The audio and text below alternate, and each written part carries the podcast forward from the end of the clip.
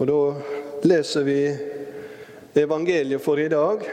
Det står i Lukasevangeliet i det 22. kapittel og fra vers 28 i Jesu navn.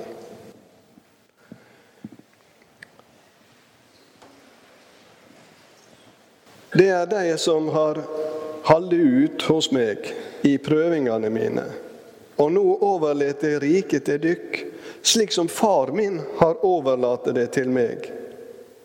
De skal ete og drikke ved mitt bord i mitt rike, og sitte på troner og døme de tolv Israelstammene. Simon, Simon, Satan kravde å få sikta dykk som kveite.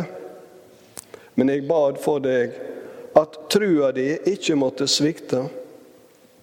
Og når du en gang vender om, så styrk brødrene dine.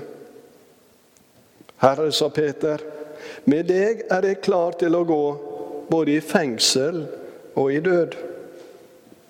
Men Jesus svarer, jeg sier deg, Peter, han skal ikke gale i natt før du tre ganger har nekta på at du kjenner meg.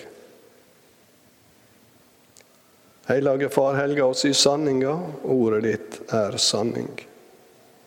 Amen.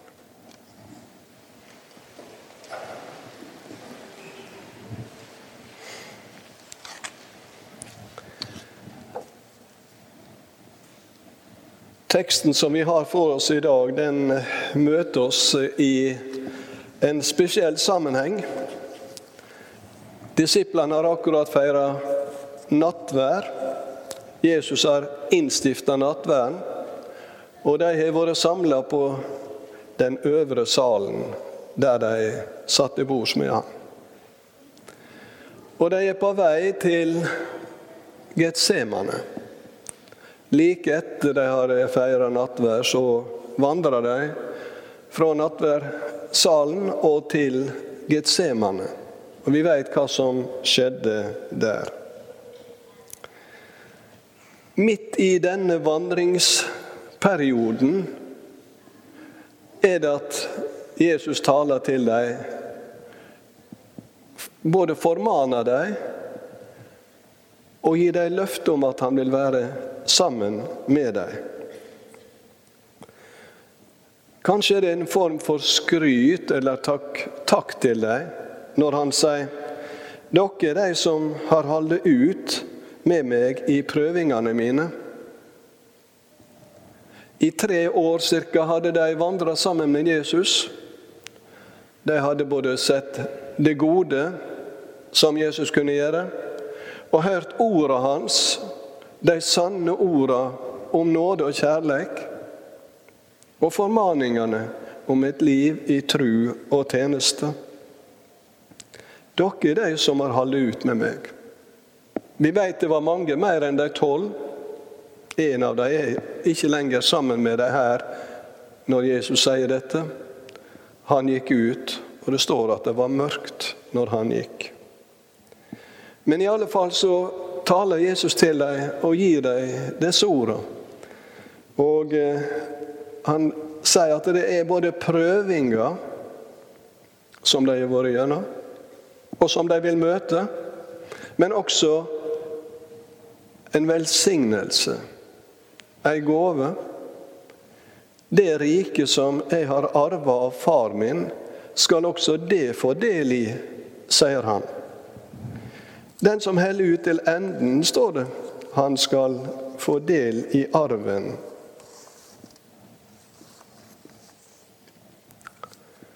Av og til så tenker jeg på at her i livet kan det kanskje være også vanskelig for mange. Ikke kanskje så mye i vår kultur, sjøl om jeg ser og merker motstand mot alt Guds rikes arbeid i vår tid, både i politiske kretser, i folket vårt og også i andre forskjellige lag av samfunnet. Det er ikke så lett lenger å si at vi setter vår lit til Gud, eller skal vi be? Eller er det noe jeg kan bære fram for deg i bønn? Eller er det noe vi kan bruke som Gud trenger av det vi har? Folk blir mer reserverte etter hvert. Og det hadde nok også de opplevd. Jeg tror nok at disiplene hadde kjent på det vonde. Frestinga til å gå hjem igjen. Dra hjem til sitt, der de var trygge. Enten det var i snekkerboda eller på fiskebåten, eller om de holdt på med gårdsdrifta si. Men de holdt ut. Og Jesus roser dem for det. Og han sier til dem Og nå overlater jeg riket til dykk, slik som far min har overlatt det til meg. Det er ikke bare ei velsigning som de skulle få en gang her på jorda. Men det er et rike, Guds rike, som Jesus har lova dem. Han skal komme igjen, og han skal gjenopprette riket. Og da skal de sitte på Israels tronstoler og dømme Israels stammer. Altså det Jesus viser i et bilde, hva makt som de vil få i det åndelige, nye, nyskapte riket, der Gud alene er herre og konge. Men av og til så tenker en også Er ikke det slik at vi som har fått del i evangeliet, har stått i tjeneste for Han i kirke, bedehus, forsamling, i misjon, hjemme og ute, at vi også har kunnet fått del i ikke bare oppgavene, men også i velsigninga. Tenker på de mange misærene som reiste land og strand, eller misjonærer som drog ut på slutten av 1800-tallet på skrøpelige farkoster til land der det var sykdommer som det ikke fantes legedom for. Og mange døde sjøl og mista sine kjære der ute. Var det verdt det? I alle fall så vet jeg at vi har kjent på både spenninga og uroa når vi sendte barna våre til Nepal, til internatskole. De var der oppe fra en seks, sju, åtte år. Reiste fram og tilbake på et skarvefly fra Bangladesh. Det var to døgn. Første tida så visste ikke vi om de levde eller de døde om det var ei ulykke der oppe.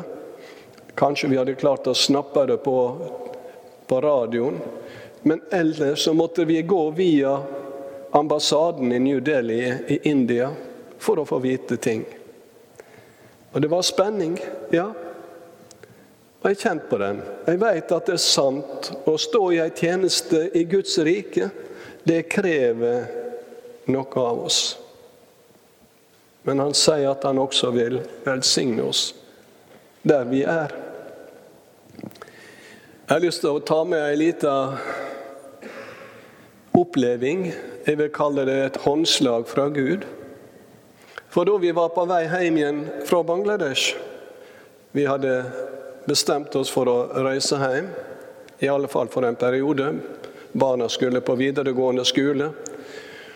Og vi hadde ikke noen plass å bo, men eh, en av de som var på besøk på misjonsfeltet, en fra Ungdom i oppdrag Før vi skulle reise, han ville gjerne be for oss, og så sa han jeg har fått et løfte fra Gud at han vil gå foran dere, og han vil gi dere en plass dere skal bo når dere kommer hjem igjen. Ja, tenkte jeg. Det vil jeg ha bekrefta fra noen andre enn bare deg. For jeg har lært meg en ting, at ved to eller tre Guds løfter, når noen hører sånne lovnader som dette, så står det at ved to eller tre løfter så skal enhver sak stå fast. Og eh, i min lille tvil som hang bak, bak her, så tenkte jeg ja, jeg får vente og se. Det gikk ikke så mange dager, så fikk jeg brev fra Norge fra et søskenbarn som skriver og sier at 'jeg hører dere skal hjem igjen'. Og så gir han oss et bibelord, og det skal jeg gjerne lese til dere. Det står i, litt før her. I Lukas 18 der står det at han Lidvar, som han heter da, skrev Og dette har jeg fått å gi til dere, sier han.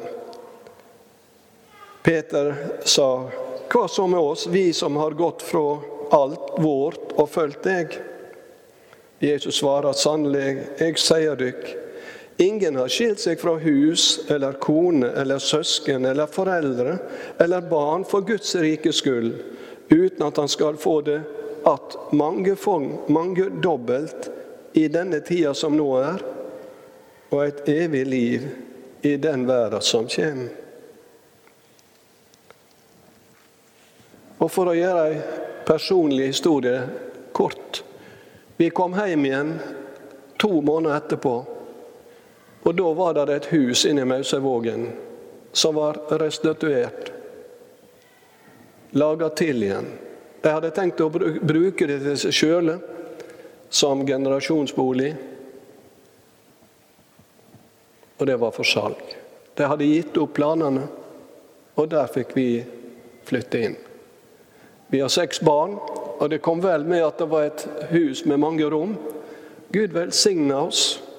Og slik har vi fått lov å erfare det, både i misjonstjenester ute, i forhold til barna våre som var i internatskole, og i forhold til det å komme hjem igjen og gå inn i ei tjeneste der vi har fortsatt i Guds rikes arbeid. Og jeg tror at når Jesus taler slik til Peter og de disiplene som var rundt ham denne dagen, så ja, det gjaldt Guds rike velsignelsen.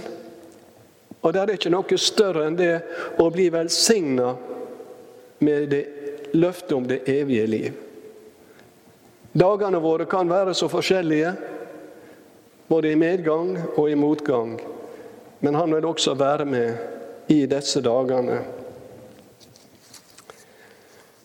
Men du ser hvordan det er, både med prest og lekmann. Av og til så er det mange ting som kreves av oss, og da er det godt at vi har disse ordene av Jesu munn, der han sier til Peter når Satan kravde å få sikte dykk som kveite, men jeg ba for deg at trua di ikke måtte svikte. Og når du en gang vender om, så styrk brødrene dine. At trua di ikke måtte svikte. I Hebreabrevet står det at Jesus lever og går i forbund for oss. Det er ikke bare at han vil velsigne hverdagen vår fra dag til dag, men alt det som ligger der også bak den siste dagen. Der vil han være. Jeg er allerede der. Jeg har stått opp, jeg er oppstått av livet, sier han. Og jeg vil velsigne deg der. Men da må vi vende oss hver dag til Han. Jeg vet ikke hvordan det er med deg, men det har nok hendt sånn i mitt liv at jeg har trengt å be om tilgivelse, både fra mennesker men enda mer fra Gud. Og det er Tilgivelsen er veien inn i Guds rike. Tilgivelsen er veien til et velsigna liv, både her, i tida og i evigheta. I egen kraft så vil ikke vi kunne stå imot Satans fristelser. Men når Han møter oss med sin nåde, og sin tilgivelse, da skal vi gå seirende videre. Om det så måtte bli at vi svikter, om det så blir at vi ikke strekker ut handa der vi skulle ha strekt den ut, ikke gjør det vi vet vi skulle ha gjort, sagt det vi ikke skulle ha sagt, osv., så, så er han der.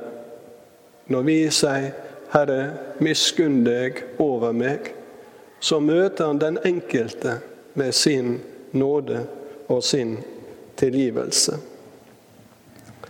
Jeg bad for deg, Simon. Han ber for deg òg, der du er. Enten du er her i kirka i dag, eller du er i arbeid. Der du er, så vil han være sammen med deg. Det kan være lett i ei god stund å gi løfte til Gud. Det kan være godt på et vekkelsesmøte og si ja, det skal jeg gjøre. Jeg vet mange som, for å bruke et eksempel, er blitt oppfordra til å gi en stor gave til ytre eller indre misjon, eller hva det måtte være, og så tenker de ja, i dag skal jeg gi. Peter sa, jeg er villig til å gå med deg både i liv, i forsakelse, i korsfestelse og død. Det var ikke noen grense for hva Peter var villig til. Og når vi er på toppen, da kan vi si ja, Herre, bruk meg til det du vil. Eller bruk alle mine ressurser til det du vil. Men Gud ser oss også der. Jeg ba for deg at trua di ikke skulle svikte. Om den vonde rista oss som kveite i et et sånt brett som de brukte å, å riste kveita. De kasta kveita opp i lufta, agnene for vekk. Jeg ba for deg at du skulle bli bevart. Der er vi også i dag. Vi kommer aldri lenger enn til nettopp dette at vi får lov til å være i Guds velsignelse så lenge vi ber om det. Bjørn Eidsvik, Eidsvåg, mener jeg, han har skrevet en sang som heter 'Kyrie'. Han har skrevet mange andre sanger også. Sanger som jeg ikke ville ha sitert her i kirka i dag. Men denne sangen, som jeg vet mange eh, har hørt, og mange har sunget, og mange har sett pris på, der setter han navn på Peters situasjon. Navn på min og din sin situasjon. Og samtidig så peker han på Han som er i stand til å bære oss. Du lå skjelvende av angst på kne, og svetten rant som blod. Og vennene du hadde med, de sov i største ro. De svikta deg da du trengte deg. Du hadde gitt deg alt. De valgte minste motstandsvei og svikta da det gjaldt. Og jeg har tenkt det skulle ikke jeg ha gjort. Jeg skulle ha kjempa sammen med deg, holdt rundt deg og tørka svetten bort. Gjort hva jeg kunne for å glede deg. De dømte deg til død og pine, spotta deg og lo. Og en av de du kaller dine, fornekta og bedro. Han svikta da du trengte han. Du hadde gitt han alt. Han var en veik og vesal mann som svikta da det gjaldt. Men jeg veit at jeg òg svikter og fornekter og bedrar. Jeg gjør ikke det. Jeg veit jeg plikter. Jeg er hjerteløs og hard. Jeg liker selv for andres nød, ofte blind for venners sorg. Hva bryr det meg, de andres død. Min kulde er så fast ei borg. Likevel er du glad i meg, tilgir meg alle feila mine. Stille tar du kappa di av deg, og tar til å vaske beina mine.